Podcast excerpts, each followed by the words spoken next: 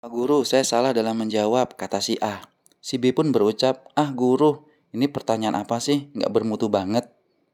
Tentunya seorang guru berbeda cara menyikapi antara si A dengan si, si B. Begitupun juga saat ujian akademis membicarakan benar dan salah. Namun, saat Allah memberikan ujian kepada kita, Allah tidak menilai benar ataupun salah, tapi Allah menilai benar atau dusta. Kok bisa? Mengapa tidak ada kata salah? Ya, karena Allah Maha Pengampun.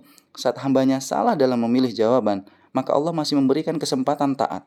Allah memberikan ampunannya, Allah memberikan karunia rahmatnya, agar hambanya itu kemudian bisa kembali kepada ketaatan.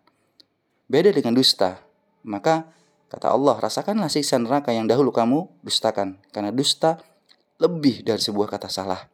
Maka teman-teman silakan perhatikan surat yang ke-29 ayat yang ke-3. Di situ dikatakan, فلا يعلمن الله الذين صدقوا ويعلمن الكاذبين